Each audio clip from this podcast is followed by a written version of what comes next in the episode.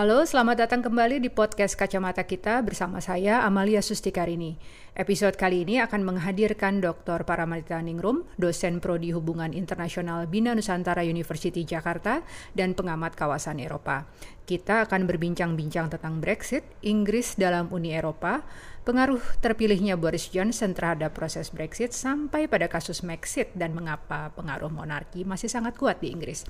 Mari kita simak perbincangan kita berikut ini.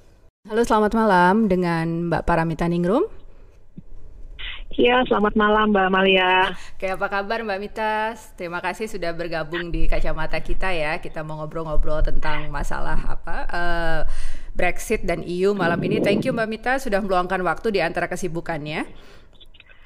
Oke. Kita mulai aja Mbak Mita ya. Oke, ini uh, okay. sejak empat tahun yang lalu ya, Mbak Mita sejak tahun 2016 ya, uh, dunia dikejutkan dengan ah. keputusan Inggris untuk keluar dari Uni Eropa uh, atau kita kenal ah. dengan istilah Brexit. Nah, sebagai pengamat kawasan Eropa, boleh nggak Mbak Mita ceritakan lebih detail tentang Brexit ini dan kemudian kenapa kok prosesnya terkesan berlarut-larut di internal Inggrisnya sendiri Mbak Mita. Setelah heboh gitu ya tahun 2016 Inggris akan keluar, loh kok kayaknya ini jadi apa nggak jadi ini kayaknya prosesnya lama sekali sampai tahun 2020 ini. Boleh diceritakan sedikit Mbak Mita? Oke, okay, ya makasih Mbak Alia. Ya nggak terasa emang sudah empat tahun ya. Hmm. Uh, waktu itu tahun 2016. Hmm. Uh, saya ingat sekali bulan Juni waktu itu. Hmm. Uh, apa?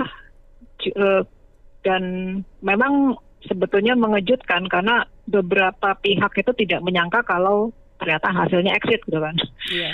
Nah uh, sebenarnya yang menyebabkan uh, kenapa ada apa ada uh, apa namanya kondisi di mana rakyat Inggris itu ingin benar-benar ingin keluar hmm. uh, ingin negaranya keluar dari Uni Eropa dan itu mereka apa tunjukkan dengan memberikan suara di referendum itu ya karena uh, pada prinsipnya ada tiga hal hmm. yang apa yang mendasar hmm. karena faktor ekonomi da, uh, karena rakyat Inggris yang apa yang memberikan suara exit atau yang pro exit itu melihat uh, Inggris uh, tidak mendapatkan keuntungan yang mereka harapkan selama menjadi uh, bagian dari kawasan integrasi Eropa atau menjadi anggota Uni Eropa. Okay. Uh, karena ya karena Uni Eropanya sendiri kan juga mengalami apa uh, perluasan keanggotaan mm -hmm. dan keanggota anggota-anggota yang baru itu juga bukan negara-negara yang dikatakan uh, makmur ya. Secara Jadi beban ya. Uni Eropa semakin hmm. ya secara ekonomi ya, semakin beban ekonomi Uni Eropa semakin besar dan hmm. dalam hal ini Inggris juga merasa harus ikut menanggung itu karena menjadi anggota dari Uni Eropa. Hmm. Uh, kemudian yang kedua tuh masalah uh, imigrasi. Ya seperti kita tahu kan tahun 2015 Uni Eropa mengalami krisis uh, kedatangan pengungsi, ya. pengungsi dalam hmm. jumlah yang sangat besar hmm. yang apa uh, luar biasa dan itu juga menjadi masalah besar buat uh, Uni Eropa dan negara-negara anggota Uni Eropa dan dalam hal ini Uni Eropa karena tidak punya pengalaman menangani hal tersebut hmm. sehingga juga mengalami dan terkubur kebingungan dan hmm. akhirnya menerapkan kebijakan-kebijakan yang dirasa memberatkan bagi uh, beberapa negara anggota termasuk Inggris juga. Hmm, okay. Kemudian uh, hal yang lain itu lebih ke sentimen nasional dalam di dalam negeri Inggris sendiri sebetulnya. Hmm. Ya terkait dengan tadi uh, dua alasan di atas, maka sentimen nasional itu jadi, jadi semakin besar gitu di kalangan rakyat Inggris bahwa ya karena uh, dengan menjadi bagian dari proses integrasi Eropa, maka Inggris jadi uh, dianggap less powerful, dianggap tidak seperti dulu. Okay. Jadi dan itu yang kemudian dimanfaatkan oleh beberapa politisi mm-hmm. untuk apa ya me, me, mempengaruhi rakyat Inggris. Uh, jadi bagaimana kalau Inggris eksis saja dari Uni, uh, Uni Eropa, mm-hmm. gitu kira-kira. Okay. Jadi kalau begitu kalau dari penjelasan Mbak Mita ada tiga faktor ya. Ekonomi mungkin di sini yang salah satu yang paling utama kali Mbak Mita ya, karena Uni Eropa menanggung ya. apa uh, beban yang semakin berat dengan bergabungnya negara-negara baru yang tidak terlalu makmur ya, tidak terlalu baik uh, performa ekonominya. Kemudian masalah pengungsi uh, uh, dan yang terakhir adalah sentimen nasionalisme ya. Dan tiga faktor itu akhirnya membuat akhirnya rakyat Inggris memutuskan untuk oke okay, kita keluar aja gitu dari uh, Uni Eropa ya. Nah tapi kemudian kenapa ya, sampai karena, sekarang ya, ya okay. karena gini uh, sorry mbak hmm. uh, karena kan uh, kestabilan ekonomi itu mm-hmm. atau stabilitas ekonomi itu itu kan juga akan berpengaruh ke aktivitas perdagangannya. Okay. Kan Uni Eropa dan Inggris sendiri kan interaksinya juga mm-hmm. uh, dalam bidang perdagangan cukup besar ya, mm-hmm. di mana 49% dari perdagangan uh, apa Inggris itu dilakukan dengan Uni Eropa, baru okay. 40% dengan negara lain gitu. Jadi mm. itu juga cukup krusial gitu untuk okay, akhirnya menentukan betul, semuanya. Betul. gitu. Mm-hmm. ya. Oke. Okay. Kemudian kenapa ini berlarut-larut mm-hmm. ya? Karena um, sekali lagi ini baru pertama kali terjadi di, di apa di dalam Uni Eropa. Mm-hmm. Walaupun ada aturannya, tapi karena yang yang akan keluar ini adalah negara besar, okay. jadi kan arrangementnya tentunya akan lebih rumit, prosesnya mm-hmm. akan lebih panjang gitu, mm-hmm. karena ada proses negosiasi yang sifatnya bertahap, ada hal-hal yang harus disesuaikan dan mungkin apa dibuang atau di apa ditambahkan dan sebagainya. Kemudian juga ada sentimen dari apa dari atau ada apa uh, opini dari masyarakat Inggris sendiri tentang bagaimana kemudian uh, interaksi antara Inggris dengan Uni Eropa setelah Inggris uh, keluar dari Uni Eropa. Dan itu yang kemudian akhirnya menimbulkan apa ya sedikit perdebatan di parlemen. Mm-hmm. bahkan sampai akhirnya uh, perdana menteri Theresa May itu harus kehilangan jabatannya, jabatannya karena ya, ya ini apa uh, uh, ya menegosiasikan masalah ini gitu. Mm-hmm gitu. Oke, sampai makan korban uh, satu kepala pemerintahan ya akibat uh, proses Brexit yang berlarut-larut ini ya Mbak iya, ya. Iya, iya, uh, cuma ya di samping karena pro uh, prosesnya juga juga apa uh, karena kan di dalam Uni Eropa sendiri itu kan juga proses apa governance-nya kan juga berlapis-lapis. Jadi hmm, okay. ketika satu negara anggota itu keluar berarti kan negosiasinya juga berlapis gitu. Tidak tidak tidak seperti negara apa, uh, antara dua negara atau bilateral gitu. Hmm, betul betul oke okay, iya. Uh, kalau sebetulnya apa sih yang akan berbeda dari hubungan Inggris hmm. dengan Uni Eropa setelah Brexit, Mbak Mita? Uh, pengaturan apa saja gitu ya dari bidang-bidang yang apa uh, sudah sudah disetujui di Uni Eropa yang akan langsung terdampak dalam internal uh, dalam atau uh, dalam negeri Inggris. Uh, yang pastinya uh, akan ada pengaturan tentang masalah uh, border ya. Okay. Border border ya. ini implikasinya bu perbatasan dan perbatasannya bukan cuma untuk hal-hal yang sifatnya apa uh, imigra uh, migrasi antar manusia tapi juga migrasi barang ya. nanti implikasinya ke ke semua semua apa semua aspek juga gitu. Hmm, Karena kan uh, apa antara Inggris dengan Uni Eropa itu, uh, maksudnya gini, kalau uh, kita semua melihat di peta itu kan uh, apa Inggris, kemudian di di sebelahnya ada Irlandia dan dan Irlandia Utara. Betul, betul, Mbak Nah, Irlandia, nah itu salah satu sebenarnya salah satu topik hangat yang sempat jadi apa ya, membuat negosiasi jadi panjang ya karena karena itu juga gitu karena uh, Irlandia Utara ini kan uh, di bawah uh, apa namanya pengelolaan dari Inggris kan, ya, bagian betul. daripada Inggris. Hmm. Sementara Republik Irlandia itu kan negara apa negara berdaulat, negara sendiri hmm. dan Irlandia Utara itu eh sorry Republik Irlandia itu adalah negara anggota Uni Eropa. Hmm. Nah tapi kan ya tapi dua dua apa ya dua entitas ini kan di, di satu pulau yang sama. Nah itu gimana tuh pengaturannya oh, itu yang okay. yang apa hmm. jadi jadi apa bahan negosiasi. Salah satu bahan negosiasi yang uh, cukup panjang juga antara hmm. Inggris dengan Uni Eropa. Oke. Okay. Kemudian juga uh, hal lain seperti misalnya ya tadi terkait dengan uh, perdagangan masalah custom union. Hmm. itu gimana? Uh, apa apakah nanti apakah setelah keluarnya Inggris dari Uni Eropa itu benar-benar dia keluar dari Uni Eropa dan tidak mengikuti semua aturan dalam Uni Eropa atau dia masih ikut sebagian seperti misalnya masalah custom union kalau ikut seberapa berapa bagian dan sebagainya sebagainya. Mm gitu. Karena memang di dalam apa ya di dalam uh, Inggris sendiri di kalangan rakyat dan uh, parlemennya itu juga sebetulnya terbelah gitu. Ada yang uh, masih menginginkan ya udah keluar aja tapi uh, kita masih ikut seperti misalnya custom unionnya karena itu dianggap hmm. menguntungkan gitu. Mengingat letak geografis Inggris yang yang apa uh, terpisah dari dari uh, benua Eropa. Benua ya. Eropa. Hmm. Iya, hmm. uh, itu gitu. Oke. Okay. Uh, uh, kemudian juga hmm. uh, kaitannya dengan apa uh, hubungan antara uh, Inggris dengan uh, pihak ketiga atau negara ketiga ya uh, itu juga pasti akan mengalami penyesuaian. Jadi Inggris sebagai Inggris ketika berinteraksi misalnya dengan uh, ASEAN atau Indonesia mm-hmm. atau Inggris yang dulunya uh, sebagai bagian dari Uni Eropa mm-hmm. berhubungan dengan Indonesia atau ASEAN itu juga pasti akan ada penyesuaian. Gitu. Oke, okay. berarti memang prosesnya rumit sekali ya Mbak Mita ya. Uh, mungkin pada saat memutuskan untuk keluar, iya. mungkin iya, pada waktu betul, memutuskan iya. untuk keluar tidak berpikir bahwa akan serumit ini ya, sehingga ya udah gitu decisionnya kita apa leave, tapi ternyata apa proses yang dibutuhkan untuk kemudian menyelesaikan melakukan banyak hal itu ternyata makan waktu yang sangat panjang. Nah ini saya tertarik untuk iya, masalah iya, perbatasan nih Mbak Mita ya. Uh, um, mungkin ini ya tadi Mbak Mita katakan bahwa ini menjadi topik yang mm. cukup hangat. Ini juga mungkin dikaitkan dengan uh, uh, kenya apa uh, sejarah bahwa Irlandia Utara itu juga dulu mengalami konflik dengan Inggris ya. Jadi kemudian membuat masalah perbatasan ini menjadi lebih rumit. Seperti itu nggak Mbak Mita? Uh, iya, nah itu juga yang yang apa mau saya tambahkan juga. Hmm. Makanya kenapa tadi saya bilang sebetulnya ada uh, di kalangan masyarakat tuh ada ada sikap yang terbelah gitu kan. Jadi ada ada sebagian trauma yang terkait dengan seperti misalnya dengan masalah Irlandia Utara. Okay. Kemudian ada juga yang memang ya dia tidak terikat dengan masa lalu tapi dia semata-mata sudah menikmati apa uh, kenyamanan ketika Inggris menjadi bagian dari Uni Eropa. Hmm.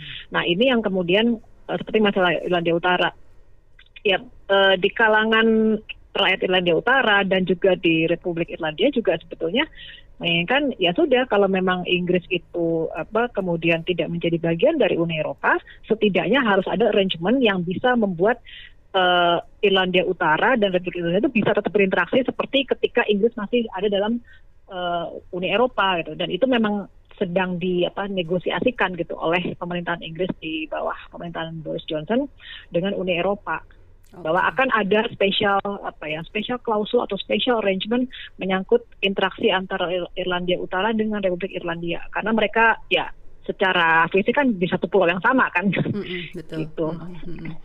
Oke, okay, uh, pertanyaan selanjutnya ini kan uh, Inggris punya uh, pemimpin baru ya Boris Johnson hmm. perdana menteri yang yeah. sekarang ini kan dikenal sebagai pendukung Brexit ya Mbak Mita ya selain figurnya yang dianggap yeah. cukup kontroversial karena komentar-komentarnya dan penampilannya yang kadang orang yeah. mikir kok mirip nih sama Donald Trump ya potongan rambutnya nih yeah, yeah.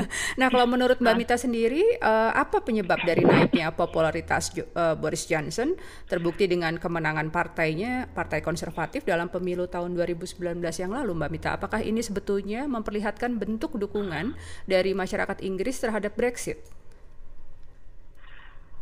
Uh, Kak, saya uh, mulai dari Boris Johnsonnya dulu ya, figur okay. Boris Johnson sebagai sebagai individu. Ya, okay. kalau melihat dari latar belakang kan uh, dia itu mantan jurnalis ya. Mm -hmm. Jadi uh, apa?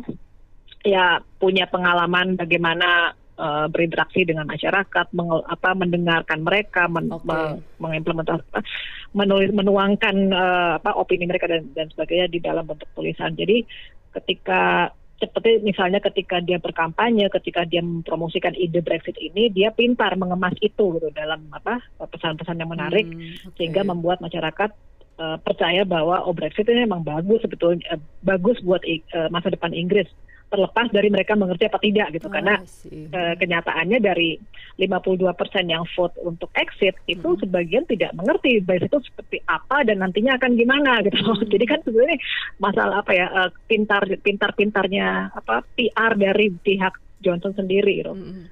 Nah kemudian kita juga mesti lihat di apa di konteks globalnya ya tadi atau konteks global di mana Uni Eropa juga sedang bermasalah kemudian apa uh, di kalau tarik lebih luas lagi di dalam tataran global juga ada beberapa masalah seperti apa isu uh, ada aktor-aktor baru yang powerful itu juga kemudian menambah apa ya menambah uh, pemikiran di kalangan rakyat Inggris bahwa Inggris ini uh, apa berhadapan dengan masalah besar seperti itu dan Inggris harus harus kuat, Inggris harus harus powerful seperti dulu. Tapi gimana sekarang Inggris sudah menjadi apa bagian dari sebuah proses integrasi sebuah institusi dan hmm. banyak aturan yang dirasa mengekang okay. sehingga hmm. Inggris jadi ruang geraknya terbatas gitu. Hmm. Nah Johnson atau apa uh, partai konservatif ini melihat itu sebagai hambatan.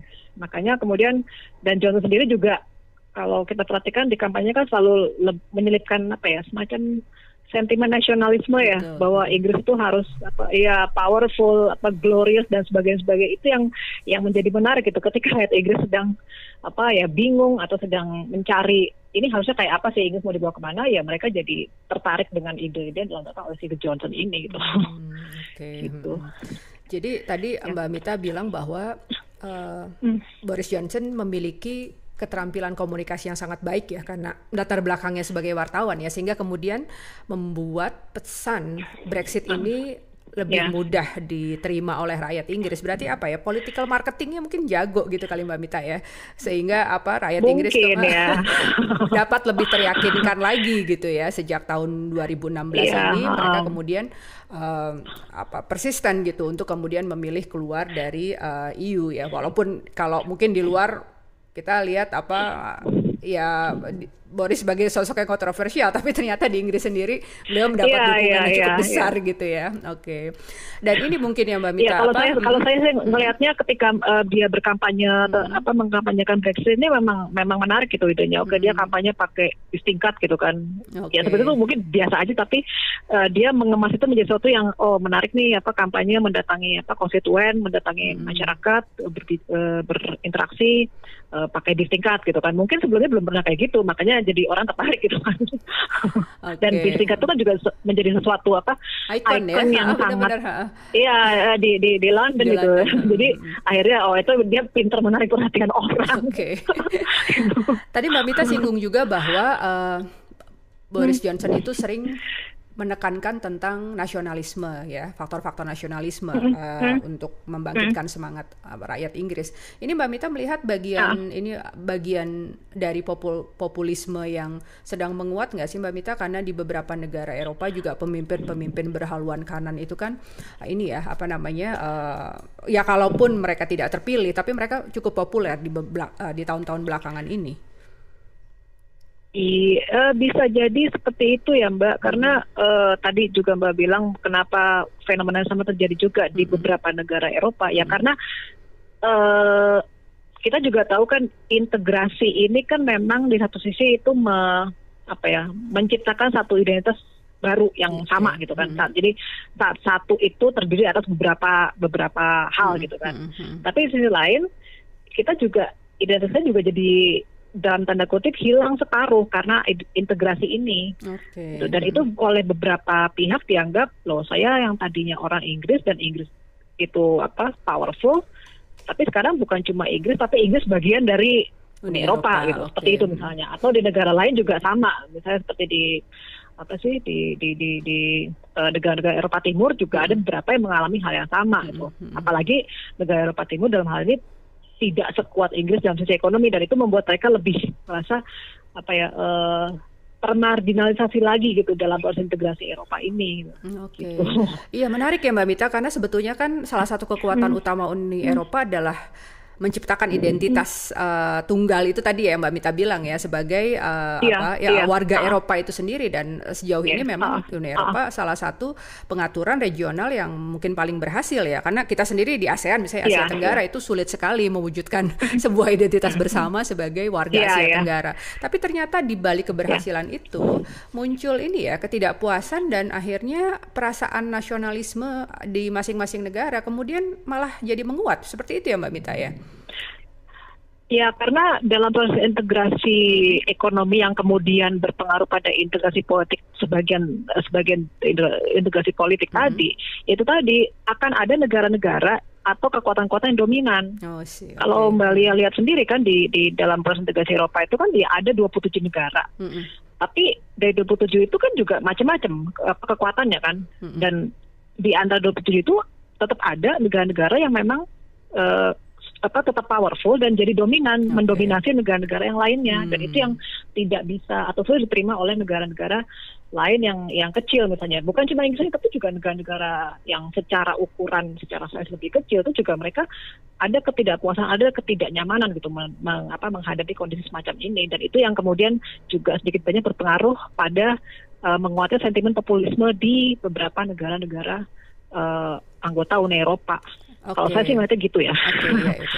Terima kasih Mbak Mita penjelasannya mencerahkan banget nih. Nah ini sekarang uh, dari Brexit, ini kita sekarang mau ngomongin exit lain nih yang lagi menjadi trending okay. topik banget akhir-akhir ini Mbak Mita. Dari Brexit kita sekarang ngomongin yeah. Maxit nih, apa uh, decision uh. yang diambil oleh uh, Prince Harry ya Pangeran Harry dan uh, uh, Meghan Markle uh. untuk meninggalkan tugas-tugas kerajaan. Nah, ini kalau kita uh, apa ngobrol penyebabnya ini bisa bisa bisa semalaman ya. Mungkin uh, kita ngobrolin tentang kenapa sih pengaruh royal family ya kerajaan di Inggris itu masih sangat kuat sampai sekarang. Di Eropa sendiri kan sebetulnya ada beberapa negara lain yang juga masih uh, menerapkan monarki ya gitu. Tapi tidak sekuat di Inggris gitu loh dan nggak cuma di Inggrisnya sendiri bahkan di negara-negara lain terutama mungkin negara-negara persemakmuran uh, royal family ini masih apa ya masih masih sangat berpengaruh gitu loh. Mereka masih sangat kayak terkesima gitu ya dengan dengan anggota kerajaan ini gitu. Sementara ya kita lihat sendiri sebetulnya posisi mereka sendiri kan um, ya tidak tidak secara langsung ya gitu terlibat dalam pemerintahan gitu. Nah ini oh, kenapa nih kalau menurut Mbak Mita nih kok posisinya masih cukup kuat gitu loh Pak apa keluarga kerajaan ini? Ya Uh, saya rasa tuh karena pengaruh dari apa struktur budayanya ya mbak ya. Hmm. Jadi uh, kan di sini keluarga kerajaan Inggris tuh tetap menjadi kepala negara dari hmm. negara itu sendiri. Okay, ya. Walaupun hmm. uh, dia tidak terlalu banyak terlibat dalam menjalankan roda pemerintahan, hmm. tapi figurnya tetap dianggap penting gitu hmm. dalam uh, ketika uh, apa pemerintah Inggris melakukan aktivitasnya. Okay. Ya tetap uh, barangkali dimintai pendapat atau bagaimana gitu kan. Hmm.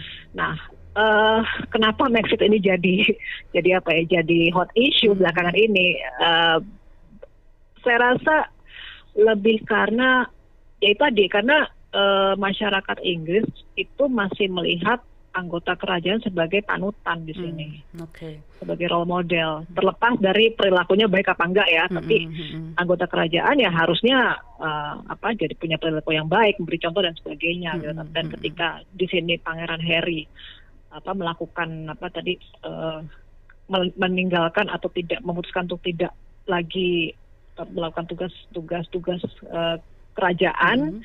Nah, itu dianggap sebagai upaya ya artinya dia tidak mau menjalankan fungsinya sebagai uh, apa wakil dari pemerintah Inggris di sini karena itu kan tugas kerajaan itu kan juga dianggap sebagai kayak semacam tugas negara ya mm -hmm. mewakili Inggris mm -hmm. ke mana ke mana ke mana bertemu dengan apa para uh, tokoh politik atau kenegaraan. Yeah. Mm-hmm. Dia jadi seperti official gitu, official mm-hmm. dari pemerintahan mm-hmm. di sini. Jadi itu yang yang salah satunya uh, membuat ini jadi big issue karena kan bagaimanapun ya Pangeran Harry walaupun uh, apa bukan bukan uh, apa namanya tidak berada di urutan urutan teratas iya. dalam tata Inggris, tapi uh, kan dia pangeran gitu. Iya. Dia terlahir sebagai pangeran betul, dan dia betul, se sejak lahir suka nggak suka dia sudah, sudah menjadi tokoh politik, tokoh pemerintahan uh, gitu. Udah urutannya jauh yang banget ya, Mbak Mita ya. pangeran iya, dari iya, untuk iya, bisa iya, jadi raja yang, Inggris yang, itu masih jauh banget. Yang harus kita kita sadari juga uh, gitu. Okay. Karena itu nanti berpengaruh juga ke posisi dia sebagai apa sebagai uh, apa tokoh politik, tokoh pemerintahan, hmm. kemudian fasilitas yang apa yang, yang dia dapat ya. hmm. dari Iya hal, hal itu yang kemudian jadi apa sedikit uh, isu ya ketika dia memutuskan seperti itu. Oke, okay. berarti memang karena um, posisi keluarga kerajaan ini dianggap juga sebagai simbol ya, simbol negara Inggris ya Mbak Mita, karena memang kita lihat yeah, kalau ada lawatan gitu ya, uh -huh. mereka sering sekali memang mengadakan lawatan-lawatan ke negara yang, let's say misalnya uh, mengalami bencana seperti itu kan, menunjukkan simpatinya, jadi uh, pengaruhnya memang masih cukup besar ya, baik itu di kalangan rakyat Inggris maupun mungkin untuk dunia internasional internasional pada umumnya begitu kali Mbak Mita ya?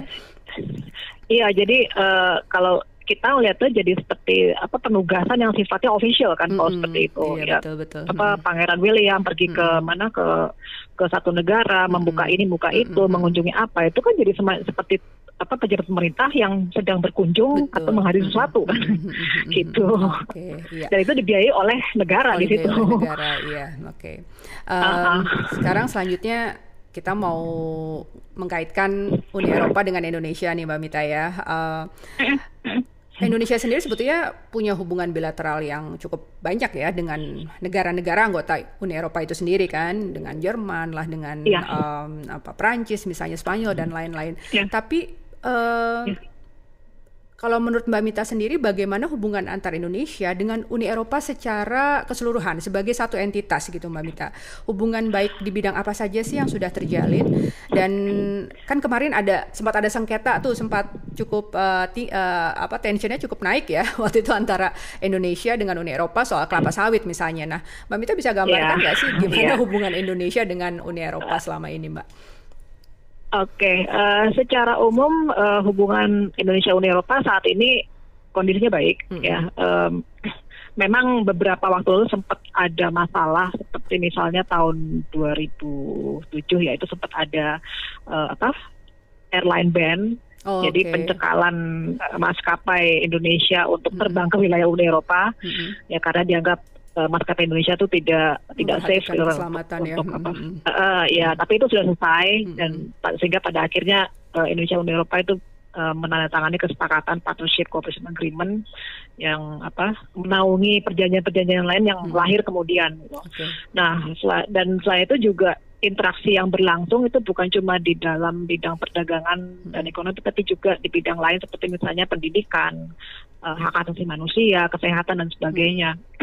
Dan apa uh, untuk bidang perdagangan sendiri sekarang Indonesia dan Uni Eropa sedang menegosiasikan satu perjanjian yang sifatnya komprehensif yang sebetulnya uh, lebih seperti FTA tapi okay uh, tidak disebut FTA karena dianggap itu sensitif gitu dan ada beberapa komponen yang ditambahkan yang lebih dianggap lebih sesuai dengan kondisi Indonesia. Hmm. Jadi uh, apa disebut sebagai SEPA atau Common sorry Comprehensive Economic Partnership Agreement. Okay. Dan negosiasi sekarang sedang berlangsung, sudah masuki uh, tahap ke tujuh atau delapan gitu. Hmm. Saya agak lupa ya. Dan itu sifatnya komprehensif. Uh, tentang kelapa sawit, iya itu sedang jadi hot issue sekarang antara kedua pihak hmm. ini. Dan memang karena masing-masing berpegang pada pendapatnya, mm-hmm. ya, di mana pihak Uni Eropa melihat bahwa kelapa sawit Indonesia itu tidak ramah lingkungan, kemudian yeah. apa uh, mengganggu lingkungan hidup dan tidak sehat dan sebagainya. Sementara sebetulnya pada saat yang sama mereka juga sedang berusaha mengurangi ketergantungan mereka terhadap impor kelapa dari Indonesia hmm. dan Malaysia dengan mengembangkan uh, rapeseed hmm. yang dianggap lebih ramah lingkungan gitu. Jadi sebetulnya uh, ini lebih seperti perang dagang gitu antara Indonesia dengan Uni okay. Eropa. Hmm. Sementara dari, dari pihak Indonesia yang menanggapi hal itu uh, melihat bahwa tidak tidak semua dituduhkan oleh Uni Eropa itu benar gitu. Hmm. Uh, jadi sekarang negosiasi sedang berlangsung dan apa uh, sebetulnya isu ini kan sekarang uh, lebih banyak dilontarkan oleh um, publik ya publik publik di di kalangan Uni Eropa ya hmm. dan disuarakan oleh Parlemen Eropa. Tapi uh, ketika isu itu kemudian dibahas di tingkat yang lebih tinggi di level Komisi Eropa atau di uh, European Council yang anggotanya adalah para kepala negara anggota Uni Eropa, maka bisa jadi mungkin uh, keluarnya apa hasilnya akan beda gitu dalam hal ini makanya kemudian kenapa ini isu ini jadi jadi hangat karena di di level uh, kepala negara atau kepala pemerintahan sebetulnya tidak menginginkan kenapa harus bertengkar soal ini gitu loh kan hmm. kan ini bisa dibicarakan apa secara baik-baik dicari jalan keluarnya gitu karena ya apa jangan sampai isu kelapa sawit ini kemudian mengganggu interaksi yang yang sudah baik di bidang yang lain-lain okay. gitu.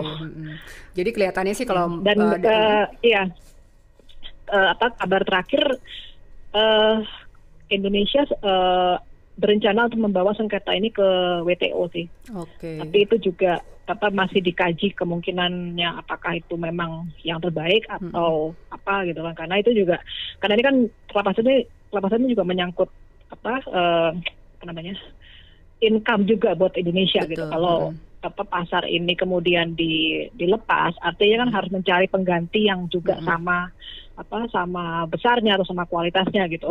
Hmm, iya, Jadi betul, di pihak Indonesia juga sedang ber, berjuang gitu bagaimana menuntaskan masalah ini. Oke, tapi uh, kedua pihak masih berusaha mencari solusi yang terbaik ya Mbak Mita. Uh, iya. Apa, dan iya. Uh, decision terakhir iya. sedang memikirkan untuk membawa ini ke WTO. Uh, cukup hangat ya. sih perdebatannya Mbak Mita ya. Karena uh, waktu itu Menteri siapa? Luhut Panjaitan sampai mengancam Indonesia keluar aja gitu dari uh, UNFCCC kan dari perjanjian uh, climate change gitu. Kalau kemudian uh, pelarangan minyak kelapa sawit ini masih tetap diberlakukan untuk uh, Indonesia oh. gitu nggak boleh masuk ke pasar Eropa kan sampai yeah. uh, cukup keras lah menurut saya gitu ya sampai mengancam untuk keluar dari yeah, sebuah yeah. perjanjian internasional yang mengikat gitu kan jadi ya apa namanya yeah. kelihat eh, memang tadi Mbak Mita juga sebutkan bahwa ini menyangkut kepentingan nasional dua pihak ya baik uh, Eropa uh, Uni Eropa yang tentunya kan juga apa membutuhkan banyak sekali ya sumber-sumber uh, minyak yeah. seperti ini gitu. Dan sementara Indonesia pun ya kita adalah salah satu pengekspor minyak kelapa sawit terbesar di dunia ya bersama-sama dengan Malaysia gitu ya Mbak ya. ya. ya. Tapi ah. untuk uh, di bidang lain memang sudah uh, terjalin dengan baik ya Mbak Mita karena seperti di education ya, ya kan misalnya di bidang pendidikan hmm. itu kan kalau apa uh, bisa dilihat uh, walaupun apa uh, Eropa atau Uni Eropa, kawasan Uni Eropa itu secara geografis itu jauh dari Indonesia, tapi hmm.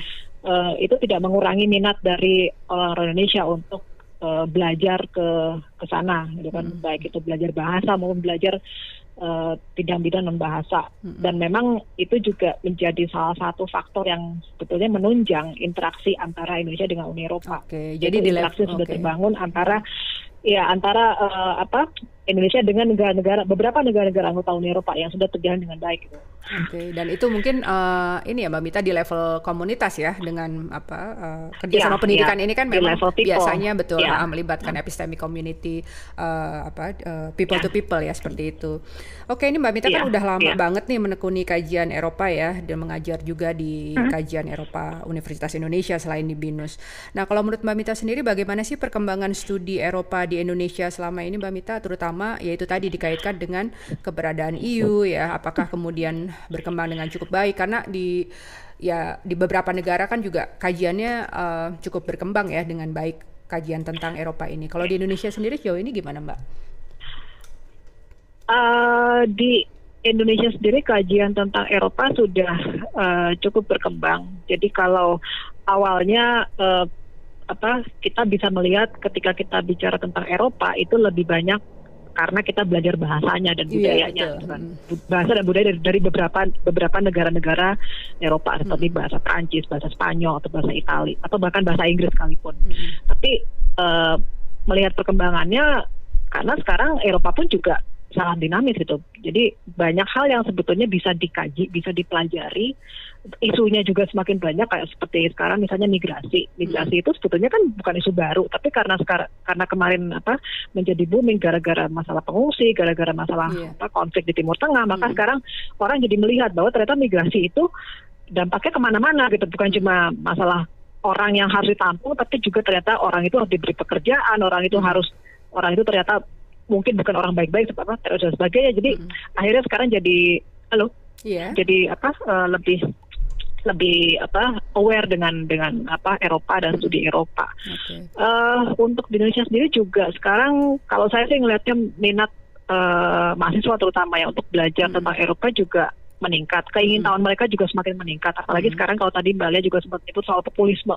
Hmm. Itu sekarang jadi salah satu topik apa ya topik esai atau topik skripsi yang diminati gitu di kalangan mahasiswa HI. Pengalaman pembimbing dia udah. iya, iya. Jadi okay. mulai membandingkan bagaimana populisme di di apa di Uni Eropa atau di Inggris dengan di Amerika Serikat misalnya. Itu kan juga sebenarnya perkembangan yang cukup bagus ya. Jadi uh, bukan cuma belajar tentang populisme sendiri tapi juga belajar tentang kawasannya gitu bahwa okay. ternyata oh Eropa itu ternyata uh, apa heterogen Eropa itu bukan cuma Inggris aja atau bukan cuma Jerman aja tapi ada yang lain-lain juga dan itu juga juga apa punya dinamika sendiri gitu mm-hmm. dan uh, apa kalau saya juga melihat sekarang uh, yang saya tahu beberapa universitas di Indonesia itu juga sudah mulai punya uh, mata kuliah yang mengajarkan tentang Eropa yang bukan hanya tentang bahasa dan budaya. Okay. Jadi uh, ya tentang uh, dari aspek HI-nya, aspek politiknya, aspek mm -hmm. uh, ekonominya, kemudian ada lagi tentang mungkin identitas dan sebagainya. Mm -hmm. Dan itu juga mulai diminati oleh banyak mahasiswa. Okay. Dan dosen-dosennya juga sekarang uh, mulai apa uh, membentuk atau membuat semacam kelompok atau uh, apa grup untuk mengkaji uh, isu Eropa ini lebih restitusi gitu. Sudah ada misalnya uh, komunitas Indonesia untuk kajian Eropa okay. dan itu uh, cukup juga menarik perhatian dari dosen-dosen uh, HI dan dosen-dosen yang HI yang tidak mengaji tentang Eropa gitu. Bagaimana kemudian mereka bisa belajar uh, satu kawasan dan hmm. uh, belajar bersama-sama gitu. Oke. Okay. gitu. Hmm. Oh, uh, menarik ya Mbak Wita. Jadi kelihatannya perkembangannya uh, cukup menjanjikan ya uh, untuk apa? Ya. Uh, bagaimana Karena kemudian? sebetulnya hmm? kalau saya ya uh, sebetulnya kalau saya ngelihat uh, dengan kita belajar kawasan-kawasan hmm. apa pun bukan cuma kawasan Eropa hmm. aja, itu juga membantu kita untuk memahami satu isu nih. Oke. Okay. Ya, ya dan itu dan itu makanya itu yang juga uh, ditekankan oleh saya dan beberapa teman yang mm -hmm. yang belajar tentang kawasan Eropa ini mm -hmm. ya bukan cuma kawasan Eropa aja tapi kawasan lainnya juga mm -hmm. bagaimana kita memahami satu isu ya kita harus tahu dulu isunya itu ada di mana gitu kan mm -hmm. gitu. kalau kita tahu ada di mana kan oh berarti kita oh berarti uh, apa kondisinya seperti ini orang-orang kayak gini itu kemudian interaksi seperti apa jadi mm -hmm. membantu kita untuk menganalisa isu tersebut okay. gitu mm -hmm.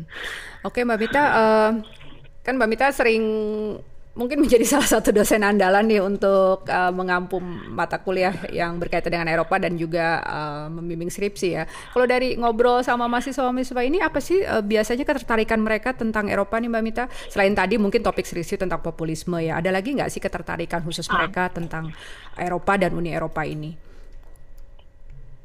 Uh, ya kebanyakan sih ada, kan, mereka tertarik sama isu-isu yang sedang populer ya. Hmm. Tadi seperti populisme, kemudian hmm. migrasi, pengungsi hmm. itu juga sekarang menjadi salah satu apa topik yang diminati. Hmm. Kemudian juga ada beberapa yang tertarik dengan uh, apa bagaimana misalnya eh, perusahaan-perusahaan Eropa itu berinvestasi di Indonesia, Indonesia atau di Asia Tenggara. Hmm. Itu gimana uh, MNC kan juga cukup, uh, cukup banyak dan cukup berpengaruh ya di hmm. seperti misalnya di Indonesia kan ya MNC dari Jerman, MNC dari Prancis itu juga cukup besar dan dan dikenal oleh masyarakat di Indonesia. Itu okay. juga menjadi salah satu apa uh, pusat perhatian mereka. Hmm, dan okay. dan mereka mencoba membandingkan itu dengan misalnya MNC dari negara Asia, dari Jepang atau dari Korea Selatan. Itu hmm. gimana? Hmm. Banyak juga nggak mereka uh, apa dari mereka yang berminat untuk melanjutkan studinya ke negara-negara Eropa, Mbak? Uh, ada, hmm. ada juga. Walaupun saya nggak tahu persisnya berapa ya hmm. persentasenya, hmm. tapi ada juga. Uh, cuman ya itu kadang mereka uh, apa melihat concernnya adalah masalah bahasa pengantar karena tidak semua uh, program studi apa kajian Eropa di negara itu yang uh, diberikan atau memberikan uh, kuliah dalam bahasa Inggris. Okay. Jadi kadang-kadang mereka harus belajar bahasa lokalnya dulu mm-hmm. untuk bisa ikut kuliah minimal untuk bahasa lokal yang level dasar supaya bisa mengikuti uh, perkuliahan di negara tersebut. Tapi sekarang sudah sudah mulai ini sih sudah mulai apa dari pihak negara-negara Eropanya sendiri juga sudah mulai membuka diri karena mm-hmm. melihat bahwa pasar pasar besar ya Indonesia pasar besar sekali. Gitu. Jadi mereka juga mulai banyak yang menawarkan kos dalam bahasa Inggris gitu, supaya okay. bisa menarik mahasiswa asing karena itu juga income buat mereka gitu. betul, gitu. Betul. Oke, berarti memang uh, untuk bidang pendidikan kelihatannya ke depan prospek kerjasamanya cukup baik ya Mbak antara Indonesia dan ya, negara-negara uh, Eropa ini. Dan beasiswa juga, ya oh, beasiswa iya. juga sekarang sudah mulai banyak ditawarkan kepada apa oleh negara-negara Eropa atau negara-negara Eropa kepada hmm. mahasiswa dari apa luar Eropa dari Asia hmm. termasuk kepada masyarakat uh, mahasiswa Indonesia. Jadi okay. cukup banyak juga mahasiswa kita yang belajar di negara-negara tersebut hmm. dan uh, yang dipelajari itu adalah bidang-bidang yang uh, apa yang terapan, yang teknik dan sebagainya. Hmm, gitu. Hmm, Oke, okay. bahkan yang mereka kalau nggak dibutuhkan um, di, di Indonesia. Oke, okay. bahkan uh, mereka tuh kan menawarkan juga untuk uh, scoop EU-nya ya Mbak, menawarkan beasiswa Erasmus Mundus ya kalau saya nggak salah. Dan itu kan ya, maksudnya ya, di samping ya. beasiswa tradisional lain yang sudah kita kenal seperti apa dia AD dari Jerman gitu ya, atau mm -hmm. ya, ya dulu waktu Inggris masih bergabung dengan EU ya dengan ya. chevening-nya. Nah, Eropa pun Uni Eropa pun ini ya apa namanya dengan cukup baik gitu uh, mengintegrasikan gitu ya sistem sistem apa EU mereka dalam bentuk beasiswa ya karena Erasmus Mundus itu kan mobi, uh, mereka mobile kan jadi uh, sekolah di yeah, yeah. di lebih dari satu negara Uni Eropa gitu ya. Mm. Iya, itu juga apa jadi salah satu terobosan sih mm. buat apa program beasiswa karena ya selain bisa belajar di banyak tempat mm -hmm. juga uh, bersama-sama dengan orang yang berbeda-beda mm -hmm. dan mungkin juga kondisinya berbeda satu sama lain jadi itu memperkaya apa pengetahuan dan pengalaman si mahasiswa itu sendiri itu. Oke, iya. Oke, Mbak Mita terima kasih sekali bincang-bincangnya. Banyak banget hal-hal menarik yang dari perbincangan kita malam ini okay. ya. Cuma satu hal mungkin kayaknya kita uh, 2020 juga. ini uh, bakal ngelihat pasti dan ya uh, Brexit akan akan terjadi ya di bawah kepemimpinan Boris Johnson. kita iya, lihat atau tapi, mundur uh, lagi kita lihat aja ah, nih ya gimana perkembangannya. Ya, tapi ini sih uh, saya sih ngeliatnya ya sudah kalau memang sudah tidak bisa di apa dipertahankan ya, ya harus direlakan gitu kan. Tapi dalam hal ini juga Inggris kemudian menjadi lebih apa harus lebih aktif dan lebih uh, uh, agresif gitu untuk kemudian mencari atau membangun hubungan yang lebih baik dengan uh, misalnya negara-negara hmm. Asia Tenggara yang hmm. memang sudah punya hubungan baik dengan Inggris sebelumnya. Okay. Jadi itu sebenarnya ada keuntungan juga buat kita hmm, gitu buat Indonesia dalam hal ini. Hmm, betul betul. Oke, okay, uh, eh, gitu. sekali lagi terima kasih Mbak Mita. Selamat menjalankan tugas-tugas di kampus dan semoga bisa terus berkontribusi untuk pengembangan apa studi-studi Eropa di Indonesia ya Mbak Mita ya. Iya. Terima kasih. Selamat malam. Oke, okay, selamat malam Mbak Lia. Terima kasih juga. Demikian bincang-bincang kita dengan Dr. Paramita Ningrum dari Departemen Hubungan Internasional BINUS University Jakarta. Banyak hal menarik seputar Brexit, Inggris dan Uni Eropa dari perbincangan kita tadi. Keluar dari keanggotaan sebuah organisasi regional yang kuat seperti Uni Eropa ternyata bukan hal yang bisa dilakukan dengan singkat. Banyak juga hal menarik lainnya tentang hubungan antara Indonesia dan Uni Eropa, terutama dalam bidang perdagangan dan pendidikan. Terima kasih telah bergabung di channel Kacamata Kita, platform inklusif untuk berbagi pengetahuan dan opini bersama saya Amalia Sustikarini. Nantikan episode menarik lainnya di channel ini.